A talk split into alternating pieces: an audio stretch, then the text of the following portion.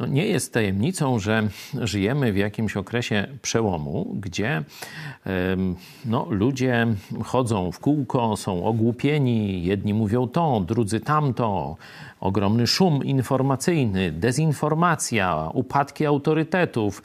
Mm, praktycznie ludzie już nie wiedzą, co mają myśleć. Niektórzy mówią, a to już mam dość, w ogóle zamykam się w jakimś swoim świecie, w świecie też iluzji, uciekam od tego, co się dzieje, bo boję się, że zostanę gdzieś zwiedziony, że y, już sam nie umiem się w tym wszystkim połapać. No można to różnie i długo opisywać, ja wam jednak chcę wskazać rozwiązanie. W czasach takich trudnych, w czasach właśnie przełomu, w czasach chaosu, dezinformacji, kłamstwa, zwiedzenia, jak się orientować, za kim iść, kogo słuchać. I tu Jezus dał nam pewną, pewną jasną odpowiedź. To jest Ewangelia Jana, 10 rozdział, wersety szczególnie 10, no może i 12.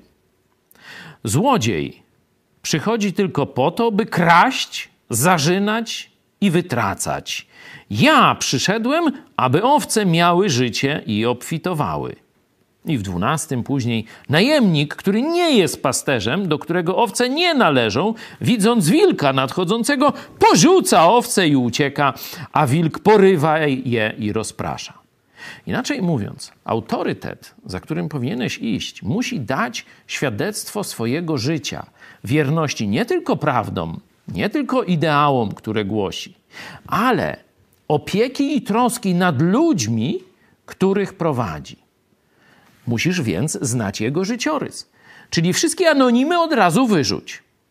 A zobacz, czy ten człowiek opiekuje się swoją rodziną, czy jest wierny swojej żonie, czy dobrze wychował dzieci, czy ludzie, którzy za nim idą, to dotyczy oczywiście pastorów w kościele, czy rzeczywiście obfitują, promienieją, idą w górę, są coraz mądrzejsi, wydajniejsi, szczęśliwsi, bardziej rozumieją wolę Bożą, czy też są coraz głupsi, coraz mniej wydajni, zakręceni i tak dalej, i tak dalej.